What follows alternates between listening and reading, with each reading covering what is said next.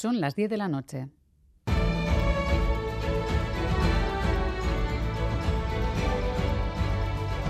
Radio Euskadi y Radio Vitoria.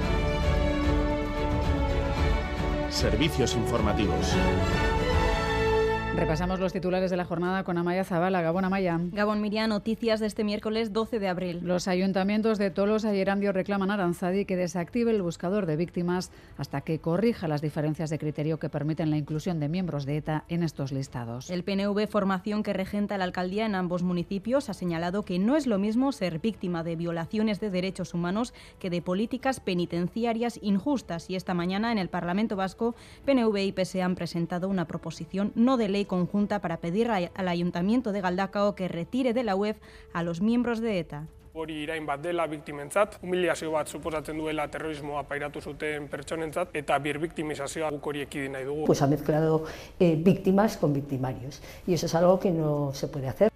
El alcalde de Galdacao de H. Bildu mantiene el buscador de víctimas porque dice que se guiaron por Aranzadi y sus estándares internacionales. El Endacari Íñigo ha conseguido en Madrid el apoyo de los embajadores de Francia y Portugal para impulsar el proyecto de una macroregión europea. El Endacari ha trasladado la petición de que el gobierno francés cumpla con los plazos para la llegada de la alta velocidad ferroviaria a Dax, tras el anuncio del gobierno galo de retrasarla de 2030 a 2042. El embajador francés se ha comprometido a facilitar un encuentro con el ministro de Transporte Transportes y el embajador portugués también se ha mostrado dispuesto a apoyar los proyectos de interconexión con Europa de las regiones, comunidades autónomas y nacionalidades de la fachada atlántica.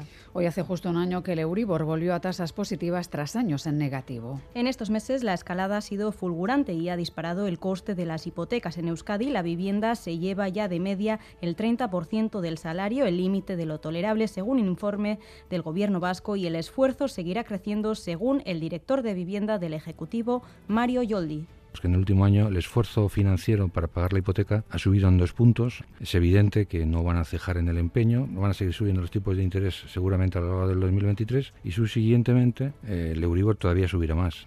Los escasos datos de lluvia y las temperaturas altas corroboran el marco de cambio climático. Según datos de Euskalmet, en los últimos meses ha llovido un 40% menos de lo habitual y en Gasteiz y sur de Álava hasta un 60% menos de lo habitual. Los más, los más afectados por la sequía son la Rioja Alavesa y el sur de Navarra. Algunos agricultores ya se plantean hasta cambiar sus cultivos y sus producciones ante la escasez de agua. Esta mañana en Boulevard hemos hablado con David Navarro, agricultor de Tudela tendré que restar gran parte de la superficie de maíz, que ya en parte lo había hecho por cereal de invierno, y lo mismo me sucede con el maíz, que lo voy a tener que dejar en un porcentaje muy pequeño y sembrar girasol.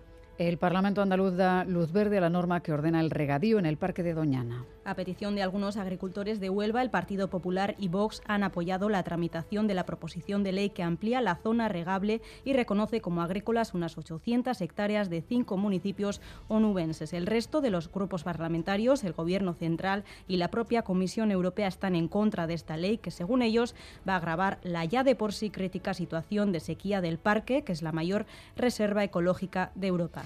Así terminamos. Más noticias en una hora y en todo momento en itv.eus y en la aplicación ITV Albisteac. Gero arte.